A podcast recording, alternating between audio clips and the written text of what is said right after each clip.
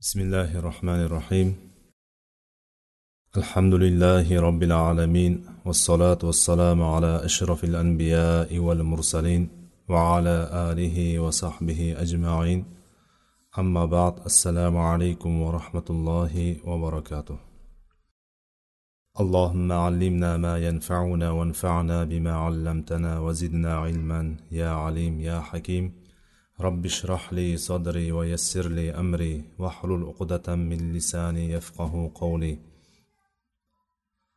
اللهم سبحانك لا علم لنا إلا ما علمتنا إنك أنت العليم الحكيم. وبك نستعين. الله تعالى حمد صنع بولسن. وبيغمبرمز صلى الله عليه وسلم يا صلوات درود بولسن. رياض الصالحين درس مزدوم الترامز إن شاء الله biz yigirma yettinchi bobga kelib to'xtagan ekanmiz. Ya'ni birinchi bo'limini kitobimizni birinchi bo'limini yigirma yettinchi bobiga kelib to'xtagan ekanmiz. Bobimiz babu ta'zimi hurmatil muslimin va bayani huquqihim va shafqatu alayhim va rahmatihim degan va rahmatuhum yoki mana shu bobga kelib to'xtagan ekanmiz. Yigirma yettinchi bob musulmonlarning hurmatlarini musulmonlarni hurmatlarini joyiga qo'yishlik ularni haq huquqlarini bayoni va musulmonlarga nisbatan shafqatli rahmli bo'lishlik haqidagi bob ekan.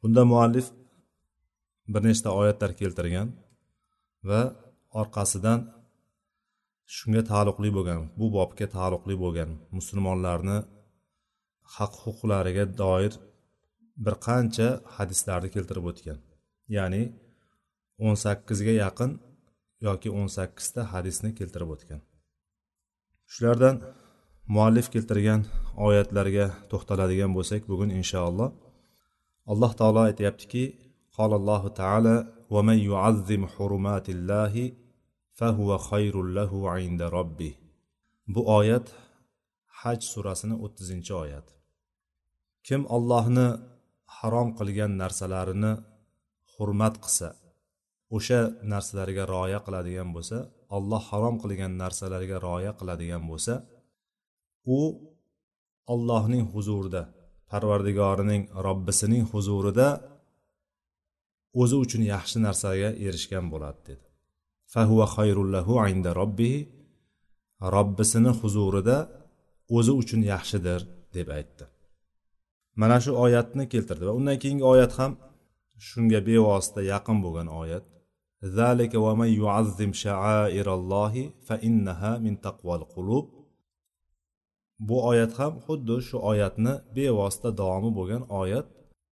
Aslida ayni surada kelyapti va bir biriga bog'liq go'yoki o'sha hajda keladigan voqealarni hajdagi amallarni zikr qilingandan keyin orqasidan aytilyaptiki kim allohni shiorlarini shaoirlarini deb kelyapti bu yerda. Shaairalloh allohning shiorlarini ya'ni dinning nishonalarini hurmat qiladigan bo'lsa ulug'laydigan bo'lsa mana shu narsa qalblarning taqvosidan bo'ladi dedi. Qalblarning taqvosini natijasi nima bo'ladi ekan? Mana shu ollohning qonunlarini ollohning shiorlarini rioya qilishlik bilan hurmatini joyiga qo'yishlik bilan bo'ladi ekan. Bu oyatlarga alohida alohida to'xtaladigan bo'lsak birinchi shu haqda gaplashadigan bo'lsak muallif birinchi boshida musulmonlarning hurmatlari deb keltirdi.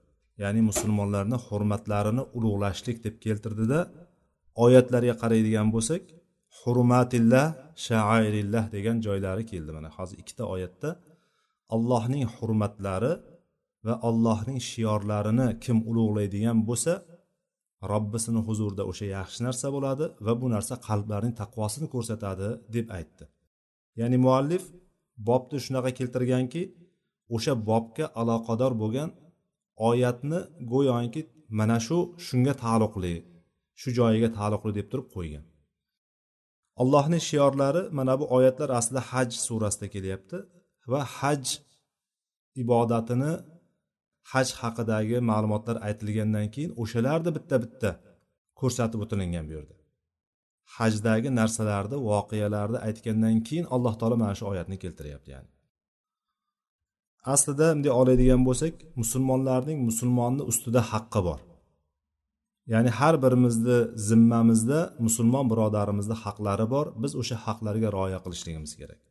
Bu haqlarni biz sekin sekin mana shu bobni ichida o'qib borishlik natijasida har bittasini inshaalloh hamma tomonlari bilan batafsil o'rganishlikka harakat qilamiz. O'shalardan ba'zilarini aytib o'tadigan bo'lsak o'shalarni ichida musulmon kishi musulmon kishiga yo'liqqan paytda birodariga yo'liqqan paytda unga salom berishligi. Qarshi taraf bo'ladigan bo'lsa salom beradigan bo'lsa salomga alik olishligi. Yo bo'lmasam musulmon kishi birodari bilan aloqani uch kundan ortiq uzmasligi.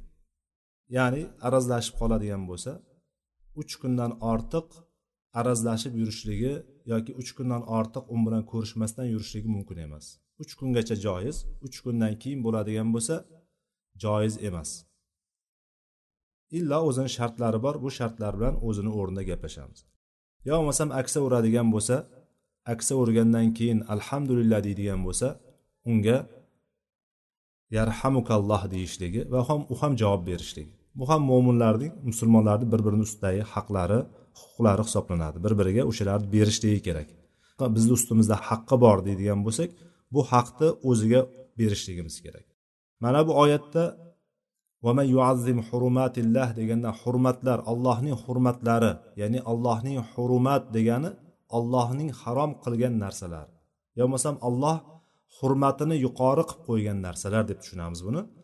Alloh hurmatini yuqori qilib qo'ygan narsalar nimalar?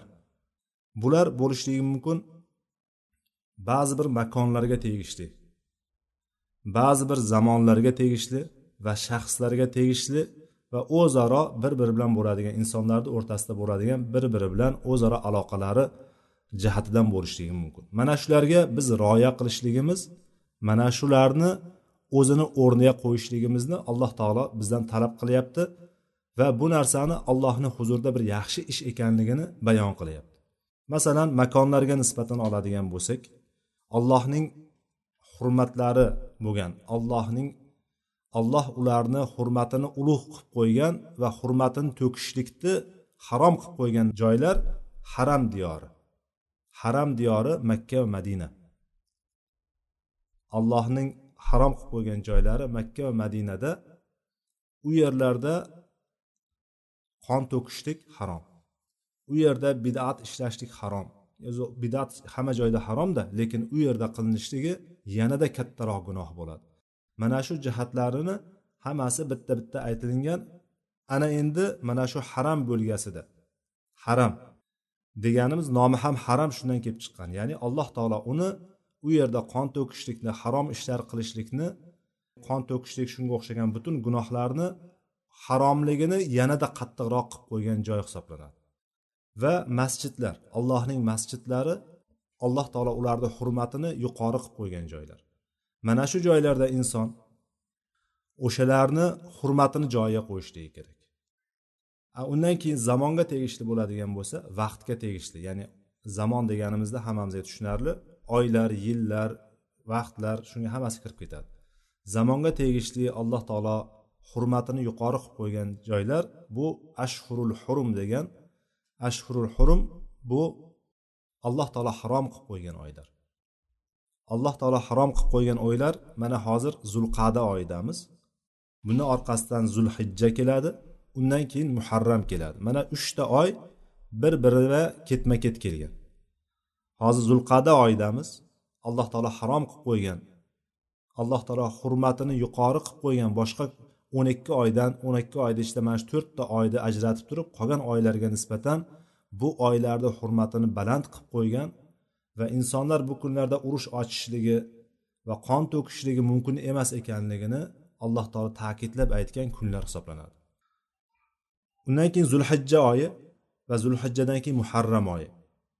Va o'rtada bir oy o'tadida ana undan keyin oylar o'tgandan keyin yana bitta oyimiz bor bu rajab oyi. Mana shu to'rtta oyni alloh taolo hurmatini yuqori qilib qo'ydi. Mana shu oylarda agar imkon bo'ladigan bo'lsa ikkita davlat o'rtasida yoki ikkita jamoat o'rtasida bir urush ochiladigan bo'lsa o'sha urush ochishlikni to'xtatib qolishlik imkoni bo'ladigan bo'lsa to'xtatib qolishlik kerak. Endi tajovuz qilsachi narigi taraf deydigan bo'lsa alaykum fa'tadu alayhi bimisli ma'tada alaykum deydi. Alloh taolo agar mana shu oyatlarda aytadiki mana shu kunlarda urush harom qilingan qon to'kishlik harom qilingan alloh taolo hurmatini baland qilib qo'ygan oylarda agar sizlarga kimda kim tajovuz qiladigan bo'lsa sizlar ham xuddi o'shanday qilib turib uning mislicha qanday sizlarga tajovuz qilgan bo'lsa xuddi shunday javob beringlar deydi alloh taolo. Sizlarga tajovuz qilganda sizlar ham shuni qaytaringlar dedi. Ya'ni bu degani musulmonlar urush ochmaydi. Agar sizda imkoningiz bo'ladigan bo'lsa o'sha narsada sizni qo'lingizda bo'ladigan bo'lsa ya'ni musulmonlarni qo'lida bo'ladigan bo'lsa o'sha kunda urushmaydi. Urushdan imkon qadar tiyiladi. Ana endi qarshi taraf sizga mana shunday urush ochadigan bo'lsa endi meni mayli bilganingda qilaver deb turilmaydi. Unga javob qaytariladi. Mana shu narsani oyatda aytiladi. Oyatda so'rab kelishadi hattoki yasalunaka ani shahril haromi qitalin fih deydi. Ya'ni musulmonlar o'sha bilganimiz o'sha bir kunlarda tarixda bo'lib o'tgan voqealarda payg'ambarimiz sallallohu alayhi vasallam davrlarida musulmonlar bilan o'sha yerda ashhulu hurumda mana shu harom qilingan oylarda urush ochilinganligini kelib turib sizlarda mana shu narsa yo'q emasmidi deb turib savol bergandan keyin javoblarini olishadi. Ya'ni o'sha yerda bunga qarshi ya'ni bundan kattaroq ishlar turibdi aslida. Sizlar buni ko'tarib kelibsizlar bundan kattaroq ishlar bor aslida deb turib o'sha yerda javob beriladi oyatda. Xullas zamonga tegishlisi shular bo'ladi. Endi shaxslarga tegishli bu narsa bo'ladigan bo'lsa shaxslarga tegishli bu musulmonlarning musulmonlarning bu ta'kidlab aytyapmiz musulmonlarning kofirlarni emas musulmonlarning hurmatlari bor. Musulmonlarni hurmatlarini joyiga qo'yishligimiz kerak. Mana shu ollohning hurmatlari deganimizda alloh taolo ularni harom qilgan narsa deb turib asli harom qilingan narsa deb tarjima qilinadi. Lekin allohning hurmatlari nima ekanligini man aytib o'tyapmizki alloh taolo ularni hurmatini baland qilib qo'ygan qadrini baland qilib qo'ygan narsalar degan. O'shani qadrini tushirishlik o'shani behurmat qilishlikni harom ekanligi degani bu. O'sha narsalar haqida gapiryapmiz. Demak musulmon kishini hurmati bor. Har bir musulmon kishini. Uni kim bo'lishligidan qat'iy nazar. U ayol kishimidi erkak kishimidi faqirmidi boymidi podshomidi yoki bir kambag'almidi farqi yo'q. Kim bo'lishidan qat'iy nazar uni hurmati bor. Alloh taolo unga o'ziga yarasha hurmatni qo'yib qo'ydi. Va har kishi o'sha hurmatini joyiga qo'yishlik kerak. Hurmatini hurmat qilishlik kerak degani albatta u bir olim kishi bo'lishligi yoki badavlat kishi bo'lishligi mansabdor kishi bo'lishligi shart emas. Hamma musulmonni hurmat qilishligimiz kerak. Hammasini o'zini hurmatini joyiga qo'yishligimiz kerak. Musulmon kishini musulmonni ustida haqqi bor o'sha haqlarni berishligimiz kerak. Va biron bir kimsani biron bir musulmon kishini biz past sanashligimiz mumkin emas. Halol bo'lmaydi bizga. Biron bir musulmon kishini o'shani mensimasdan qarashligimiz o'shanga mana shunday past nazar bilan qarashligimiz bizni haqqimiz yo'q. Hech bir musulmon kishiga. Uni tashqi ko'rinishi uni boy badavlatligi yoki mansabdor mansabsizligiga qaramaymiz biz. Biron bir musulmon har qanday musulmonni o'zini hurmati bor o'sha hurmatini joyiga qo'yishligimiz kerak. O'sha hurmatlardan bittasi hech kimga biz past nazar bilan qarashga haqqimiz yo'q. Chunki payg'ambar sollallohu alayhi vasallam aytganlarki muslim deganlar. Bu hadisni bir qismi bir uzun hadisda hali inshaalloh bu bobimizda kelishi kerak. O'sha hadisdan bir bo'lagida imom muslimning sahihida abu hurayra roziyallohu anhudan kelgan hadis bu. Bir kishini yomonligiga kifoya qiladi musulmon birodarini tahqirlashligi ya'ni musulmon birodarini mensimasligi musulmon birodarini musulmon birodariga past nazar bilan qarashligi deb keladi. O'sha kishini gunohiga yetarli. Men gunoh qilmayapman hech qanaqa. Ichimda turibdi. Bu hali bu narsa ichida turadigan mensimaslik degan narsa o'shani pisand qilmaslik degan narsa bu qalbda bo'ladigan narsa. Qalb ishi bu. Bu qalb ishi tashqariga chiqqandan keyin uni so'z bilan tili bilan yoki boshqa qo'li bilan ozor berishlikka o'tadi undan keyin. Bu o'tgan bobda o'tganimiz zulm zulmga o'tadi buyog'i tili bilan uni yerga urib tashlashlik yoki qo'li bilan uni masalan qo'li bilan unga ozor berishlik bu zulmni ko'rinishi. Lekin qalbda bo'ladigan narsa mana shu mensimasdan o'shanga past nazar bilan qarashlik pisand qilmaslik. Shuning uchun payg'ambar sallallohu alayhi vasallam mana shu hadisni to'liq matnida attaqva hahuna attaqva hahuna attaqva hahuna deb turib taqvo mana bu yerda bo'ladi taqvo mana bu yerda bo'ladi taqvo mana yerdadir deb turib qalblariga ishora qilib turib ko'kslariga ishora qilgandan keyin mana shu joyini aytganlar.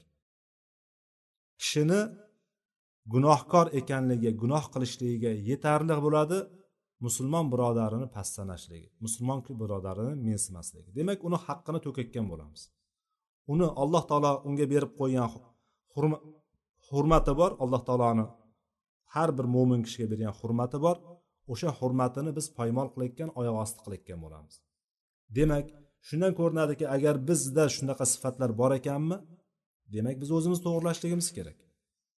Alloh taolo makonlarni ulug'lab qo'ydi. O'sha makonlarda demak biz qaysidir jihatda o'shalarga mensimaslik yoki o'shani hurmatini joyiga qo'ymaslik bizda yuzaga kelib qolyaptimi? O'zimiz to'g'irlashligimiz kerak. Yoki hozir harom qilingan oilada turibmiz.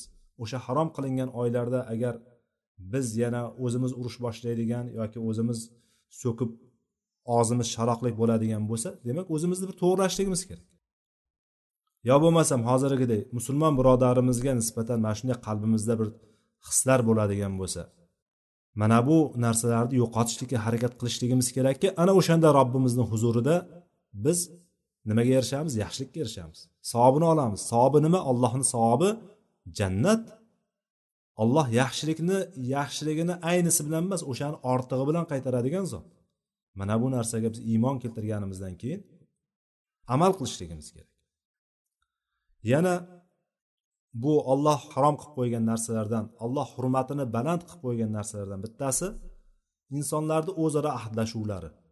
O'zaro ahdlashuvlar. Bu ahdlashuvlar kelishuvlar bitimlar musulmonlar va musulmonlarni o'rtasida bo'lishligi mumkin. Yo bo'lmasam yanada tashqariroqqa chiqaylik. Musulmon bilan musulmonni o'rtasidagi ahdlashuvlar juda ko'p. Savdo sotiqda bor yo bo'lmasam boshqa nikoh taloq masalalarida yoki boshqa narsalarda biz undan ham tashqariga chiqaylik musulmonlar bilan kofirlar o'rtasidagi ahdlashuvlar musulmonlar bilan kofirlar o'rtasida ahdlashuv bo'ladimi? Bo'ladi. Bu narsa bor bo'lgan narsa. Urushmaslikka kelishuvlikka o'zaro hamkorlikka ular kelishuvlar bo'lishligi mumkin. Bu kelishuvlarda qanday munosabatda bo'lishlik jihatida uchga bo'lgan ibn usaymin rahimaulloh shuni keltirib o'tadi uch qismga bo'linadi. Shulardan bittasi agar mana shu bitimni ahdlashuvni tuzgandan keyin kelishuv tuzilgandan keyin qarshi taraf ya'ni o'sha kofir taraf kofirlar agar bu bitimga rioya to'liq rioya qiladigan bo'lsa bizni zimmamizda ham to'liq rioya qilishlik bor. Alloh taolo oyatda aytadiki famastaqomu lakum fastaqimu lahum. Innalloha yuhibbul muttaqin deydi. Agar ular sizlarga to'liq ahdlarga rioya qilyaptimi? Sizlar ham rioya qilinglar deyapti. Sizlar uchun ahdlarini joyiga keltiryaptimi? Sizlar ham ahdlarini omonatlarini joyiga qo'yinglarki alloh taolo muttaqinlarni yaxshi ko'radi deyapti. Bu birinchi qismi edi. Ikkinchi qismi xiyonat qilgan kishilar.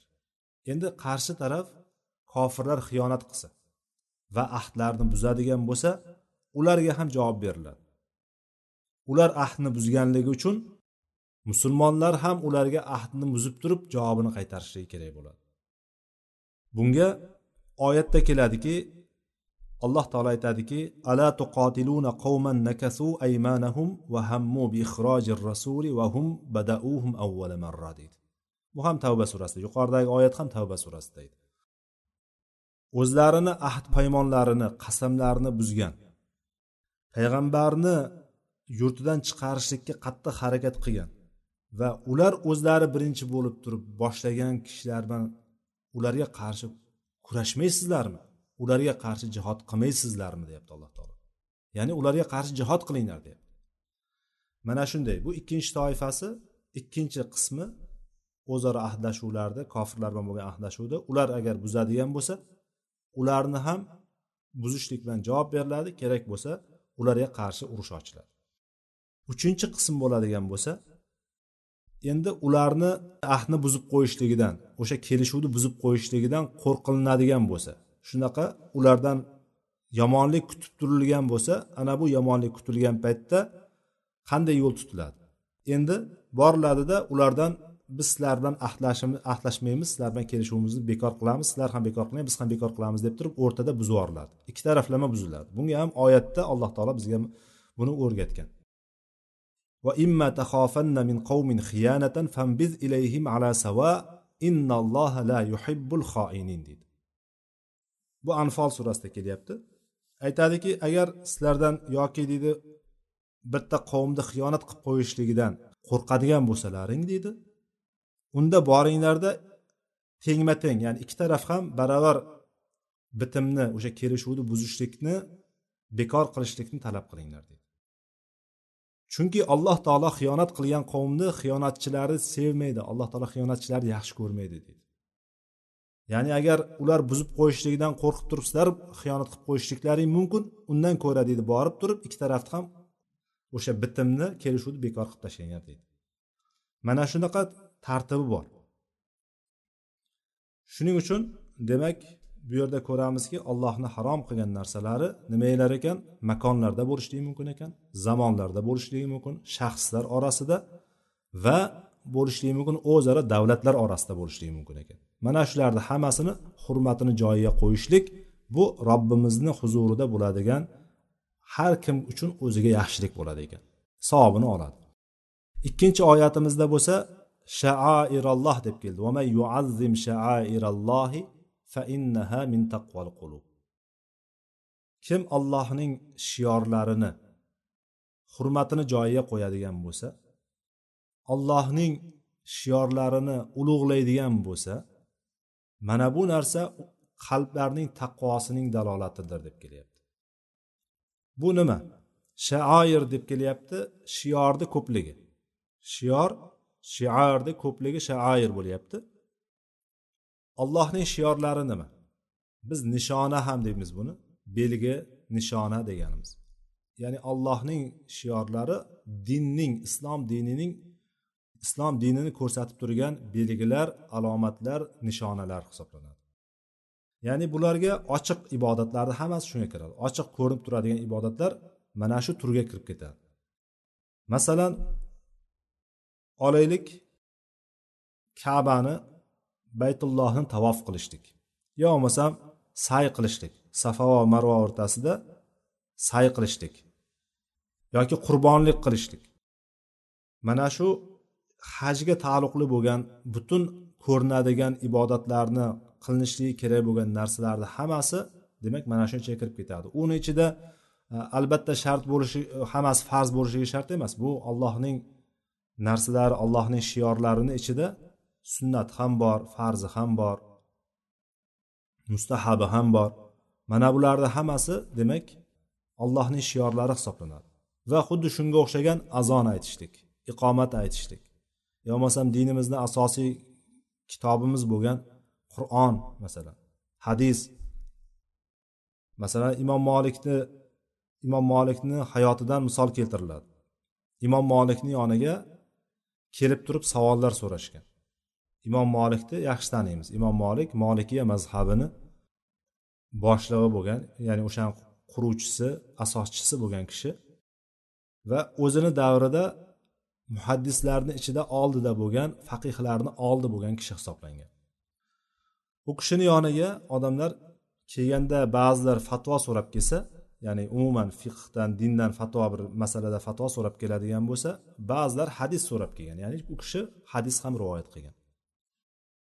Shunda kelgan odamdan so'rar ekan nima so'raydigan narsang nima? deb turib so'rasa agar biron bir fatvo so'rab kelgan bo'lsa fatvoni o'sha paytni o'zida javobini berar ekanlar. O'sha paytni o'zida fatvoni hukmlarini hammasini bitta bitta aytib berar ekanlar.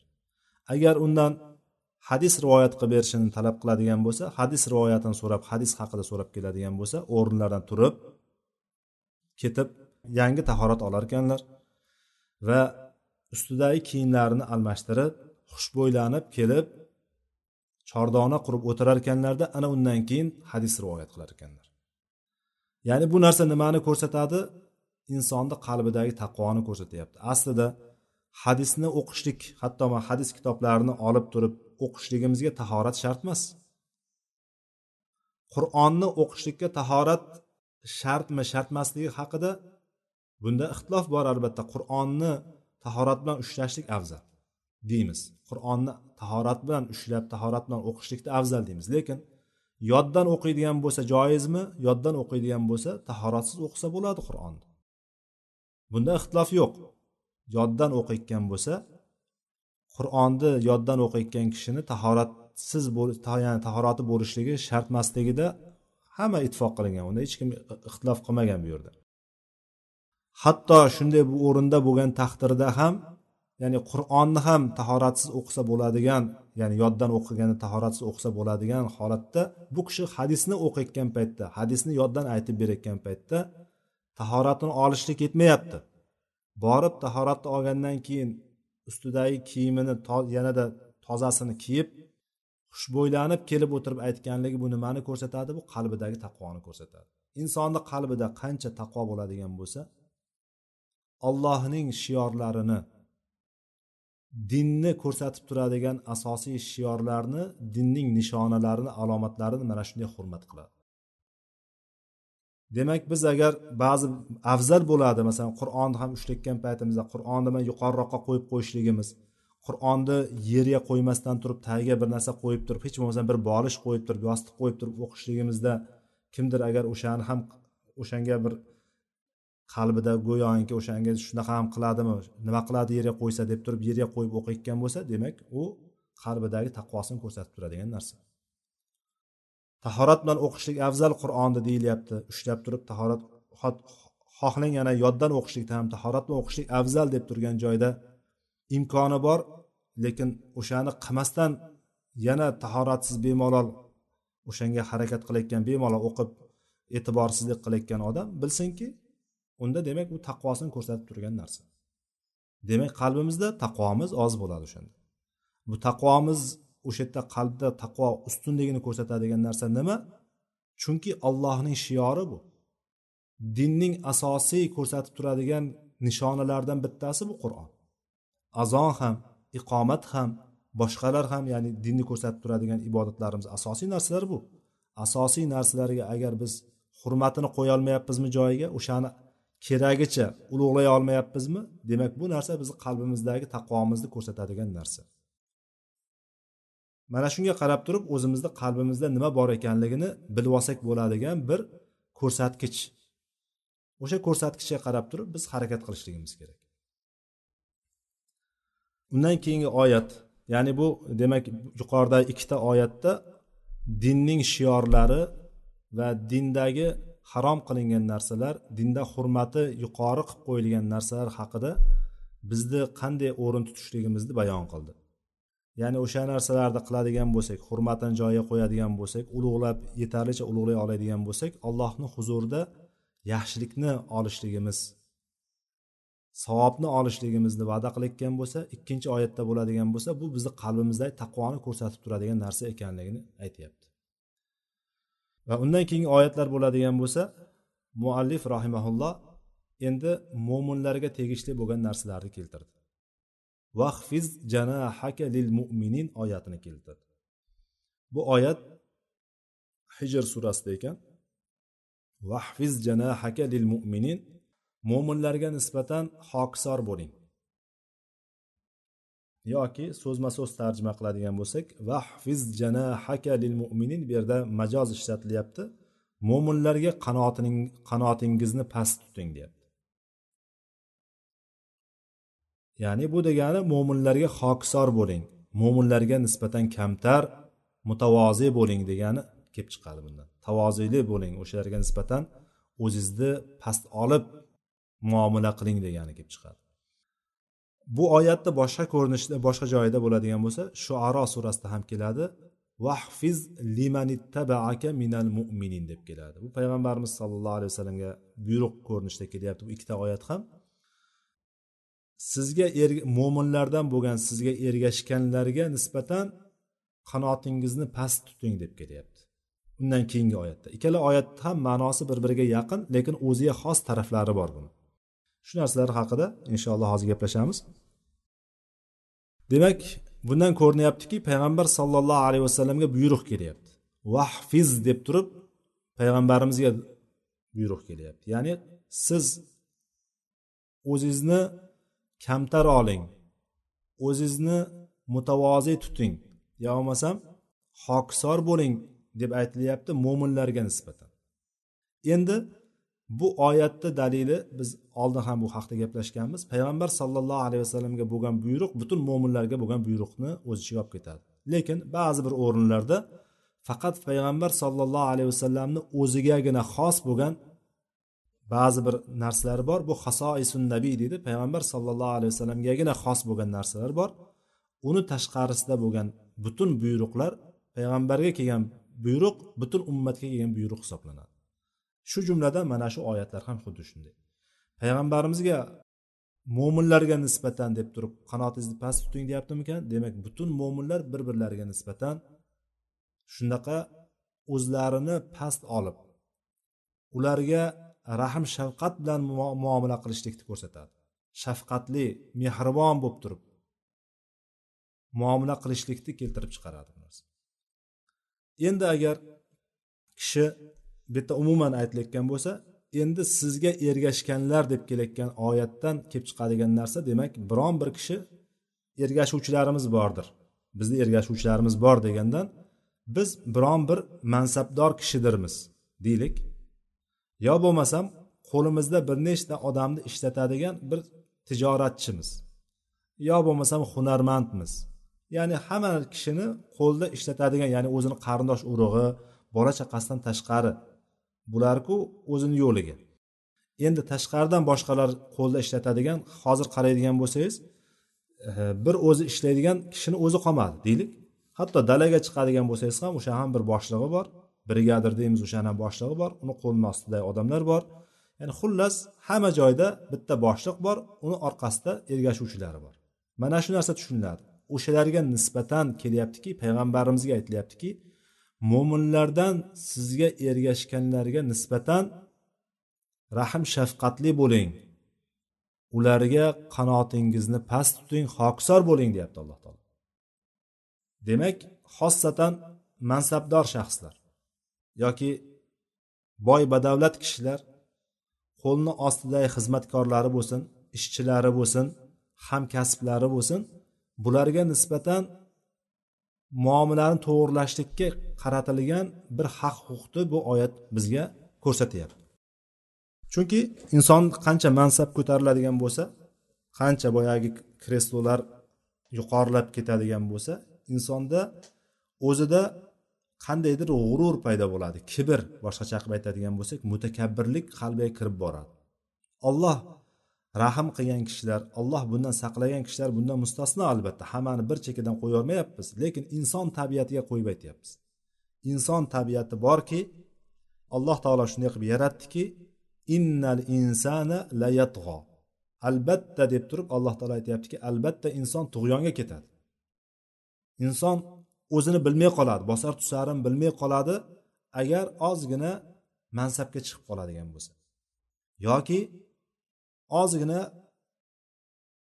boyib badavlat bo'lib qoladigan bo'lsa yoki to'rtta narsani o'rganib boshqalardan sal ko'proq narsani bilib qoladigan bo'lsa.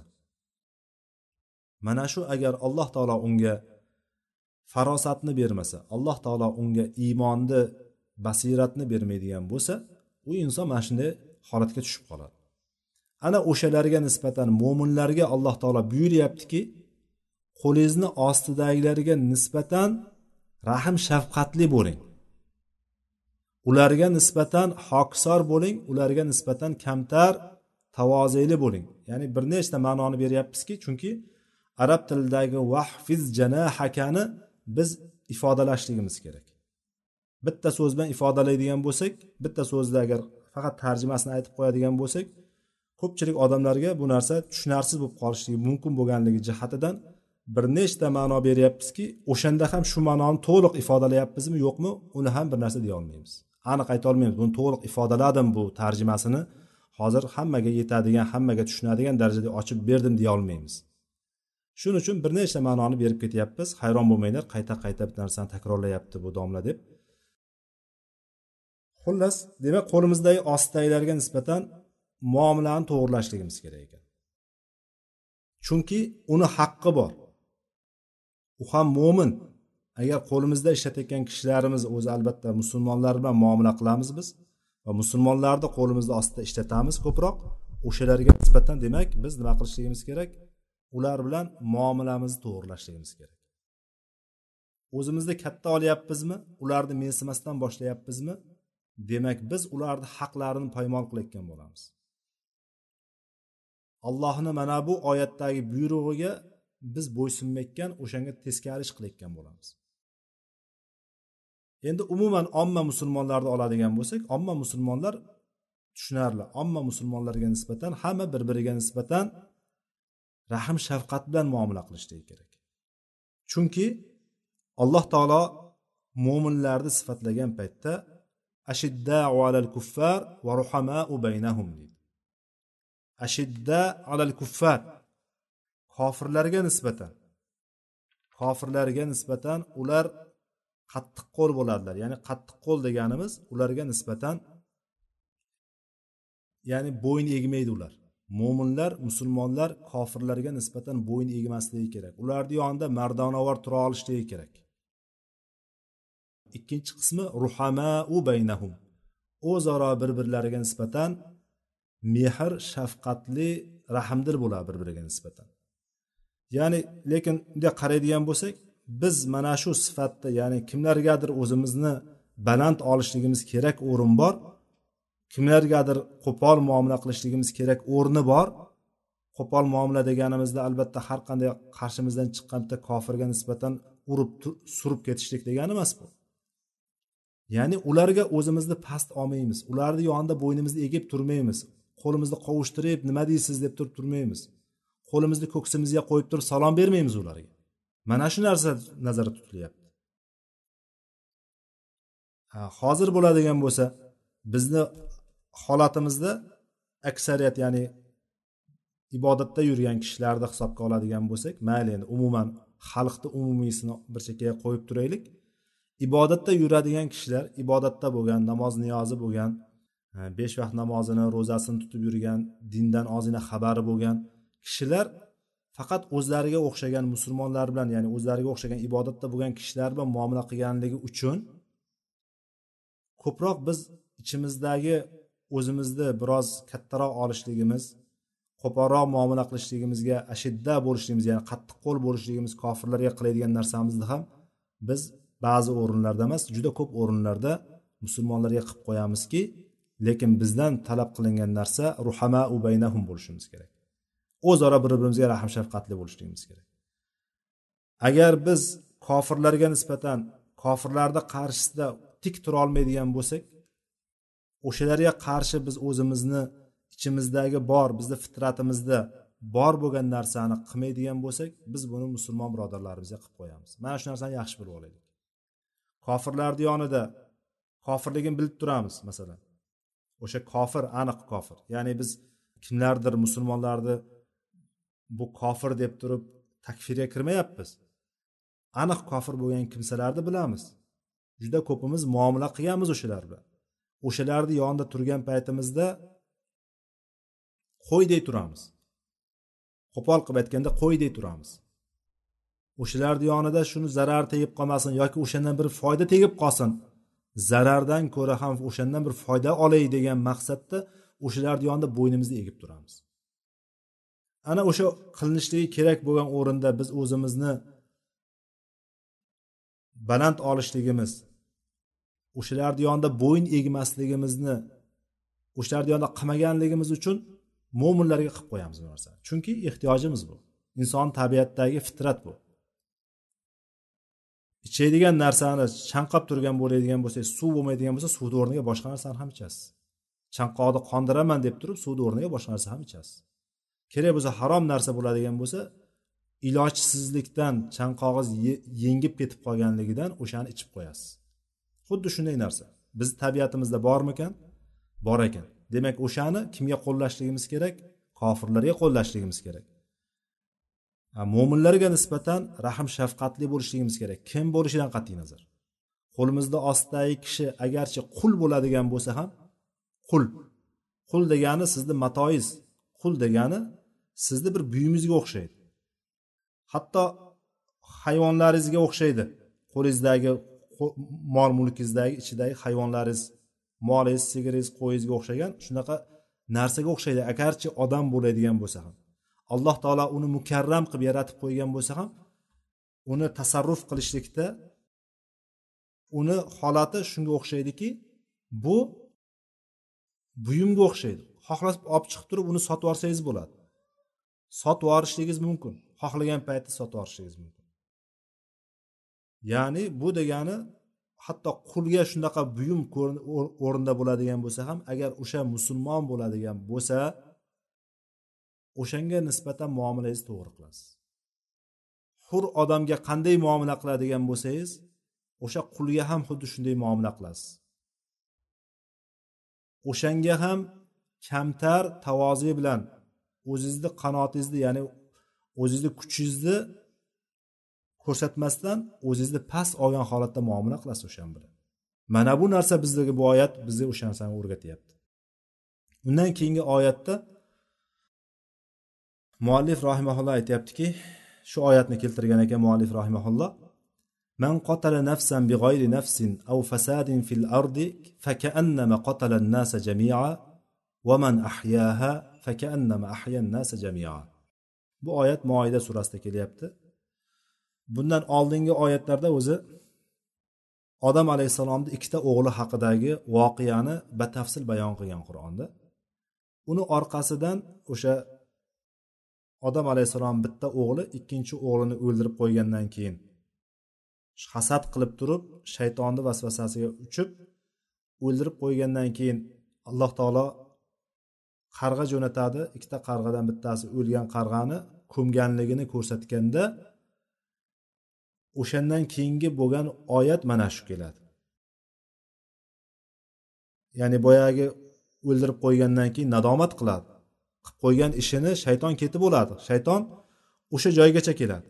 Shayton keladi vasvasa qilaveradi qilaveradi qilaveradi. Inson o'sha ishni qilib qo'ygandan keyin qilib qo'yishligi bilan shayton ketadi. Inson o'zi qoladi. Gunoh ishlarni hammasi shunday. Insonni nafsiga nafsi ham xohlab turadi shayton kelib turib uni ustiga vasvasa ham qilib turadi. Ya'ni o'zi yonib turgan joyga benzin sepishlik degani bu. O'zi yonib turibdi o'zi zo'rg'a saqlanib turibsiz o'shandan zo'rg'a tiyilib turibsiz. Nafsi ammora o'sha yomon ishlarga buyuradigan nafsizni bir nafsiz bor o'sha nafs sizni xohlab intilib turibdi o'sha gunoh ishga. Bu degani yonib turibdi ichingizda. O'shan bilan olishib turibsiz lekin shayton keladida benzin sepib yuboradi o'shanga. Shayton vasvas qilib turib sizni yanada o'sha narsaga targ'ib qilgandan keyin siz o'shani o'sha ishni qilib qo'yasiz gunoh ishni. U hamma ishda shunday. Er xotinni o'rtasidagi taloq masalalari ham shunday. Jahl uchiga chiqadida taloqni aytib qo'ygandan keyin taloq chiqib ketdiki insonni aqli boshiga keladi. O'shani aytib bo'lgandan keyin yo bo'lmasam bir ishni qilib qo'ygan zahoti inson nima qilib qo'ydim deydi. Lekin ungacha bo'lgan nima qilib qo'yyapman degan narsa nima qilyapman degan narsa insonni kallasiga kelmay turadi. Agar uni iymoni baquvvat bo'ladigan bo'lsa hali boyagi yonmasdan turib o'chirishga harakat qiladi. Men nima qilyapman deydi. Ana o'sha men nima qilyapman degan savol bizni qalbimizga hali gunoh ishdan oldin kelayotgan bo'lsa allohga hamd aytaylikki mana bu narsani alloh taolo bizga ne'matni berib qo'ydi. Chunki bu narsani o'zimiz hosil qilolmadik qancha qancha inson borki gunoh ishni qilib qo'yayotganlar o'sha iymonini zaifligi jihatidan o'sha ishga qo'l urib qo'yyapti. O'sha ishga qo'l urib qo'ygandan keyin nadomat qilyapti chunki uni qalbida iymoni bor. Alloh taolodan ertaga alloh taoloni huzuriga borib hisob kitob berishlikdan qo'rqadi u. O'sha iymoni bo'lganligi uchun qo'rqib ketyaptiki qilib qo'ygandan keyin qo'rqib ketadi. Shayton ketib bo'lgan bo'ladi chunki. Odam alayhissalomni ikkita o'g'liga ham boyagi hasad qildi. Ichidagi nafsi ko'tardi ko'tardi ko'tardi. Shayton kelib turib gijgijlayverdi boyagini. Shunaqa gijgijlab vasvasa qildiki oxiri boyagi o'zini ukasini yoki akasini bu yerda endi qaysi biri katta qaysi biri kichkina bo'lganligini bizga ochiq bayonini bilmayman men. O'sha yerda bittasi xullas aka akasi ukasini yoki uka akasini o'ldirib qo'ydi o'sha yerda. Shayton ketib bo'lgandan keyin bu nadomat qildi men nima qilib qo'ydim dedi. Nima qilishini bilmadi chunki o'sha paytgacha o'lgan inson yo'q edi. Va nima qilishlikni ham bilmasdi. Ana o'sha holatda qarg'a kelib turib ikkinchi qarg'ani ko'mgandan keyin e shu qarg'alish qarg'achalik ham bo'lmadim deb turib nadomat qildi boyagi. Hatto o'zim o'zimni birodarimni ya'ni o'zimni ukamni jasadini ko'mishlikka ham ojizlik qildim men. Shu narsani ham kallam ishlamadi shunga aqlim yetmadi deb turib qarg'achalik ham aqlim yo'q ekan deb turib nadomat qildi. Va o'sha oyatni orqasidan demak qatl inson o'ldirishlik o'shanda sodir bo'ldi birinchi marta. O'shandan keyin oyatda aytyaptiki man qatala nafsan big'oyri nafsin aw fasadin fil ard fakaannama qotala nasa jamia. Kimki biron bir jonni biron bir kishini begunoh kishini o'ldirib qo'yadigan bo'lsa beg'oyri nafs degani biron kishini o'ldirib qo'ygan bo'lsa unga qasosan o'ldiradigan bo'lsa bu joiz. Demak biron bir kishini o'ldirmagan yoki yer yuzida bir fasod buzg'unchilik qilmagan kishini o'ldiradigan bo'lsa ya'ni bu degani nohaq bir insonni o'ldiradigan bo'lsa. Begunoh deb aytadigan bo'lik boshqacha qilib aytaylik. Begunoh insonni o'ldirgan bo'lsa ya'ni sababsiz o'ldirgan bo'lsa ana o'shanga go'yoinki u butun insonlarni hammasini o'ldiribdi dedi. Ya'ni insonlarni hammasini o'ldirishlik bilan barobardir bu. Bitta insonni nohaq o'ldirishlik. Va orqasidan aytyaptiki alloh taolo vaman ahyaha fakaannama ahyan nasi jamia kimda kim bir insonga bir insonni kechirib yuboradigan bo'lsa unga hayot beradigan bo'lsa ya'ni o'ldirmasdan uni yashashligiga qo'yib beradigan bo'lsa go'yoki butun insonlarga hayot bag'ish etganday bo'ladi dedi. Bu oyatni muallif rahimaulloh bu o'ringa qo'ydi. Bu o'rinda demak musulmonlarni insonlarni bitta umuman insonlar haqida gap ketyapti. Bobda bo'ladigan bo'lsa musulmonlar haqida musulmonlarni haq huquqlari hurmatlari haqida edi. Endi bu yerda shunaqa bu oyatni bu o'ringa qo'yganligidan maqsadi vallohu alam insonni eng qadrli eng nima desak eng muqaddas bir haqqi bor insonni insonga berilgan haqlardan eng oliysi eng yuqorida turadigani bu joni hisoblanadi. Qoni ya'ni insonni qonining haromligi shu jihatdan kelib chiqdi. Shariatdagi qo'yilgan maqsadlardan bittasi insonni qonlarini himoya qilishlik insonni jonini himoya qilishlik degan joyda demak qon to'kishlikni haromligi. Qon to'kishlikni haromligi shu darajadaki bitta insonni agar qonini to'kadigan bo'lsak bitta insonni o'ldiradigan bo'lsak butun insoniyatni hammasini o'ldirgandek bo'ladigan darajada og'ir gunoh ekanligini bizga ko'rsatyaptiki demak mo'minni qonini to'kishlikni o'tgan darslarimizda ham aytgandikki unga do'zaxda abadiy qolishlik allohni g'azabi borligi allohning la'nati borligini o'tgan darsimizda aytib o'tgandik. Mana shu o'rinda demak qon to'kishlikni qanchalik harom ekanligini insonlar bir biriga nisbatan ularni haqlarini rioya qilishlik kerak ekanligini ko'rsatib ketadigan bir oyat bu yerga keltirildi. Inshaalloh hadislarga kelib to'xtadik. Vaqtimiz ham biroz cho'zilib qoldi. Hadislarga menimcha inshaalloh keyingi darsdan kirganimiz ma'qulroq bo'lsa kerak. allohu alam bo'lmasam darsimizni shu yerda yakuniga yetkazamiz alloh taolo darslarimizga baraka bersin eshitgan darslarimizga eshitgan oyatlar va hadislarga amal qilishlikka hammamizga tavfiq bersin سبحانك اللهم وبحمدك أشهد أن لا إله إلا أنت أستغفرك وأتوب إليك وآخر دعوانا أن الحمد لله رب العالمين والسلام عليكم ورحمة الله وبركاته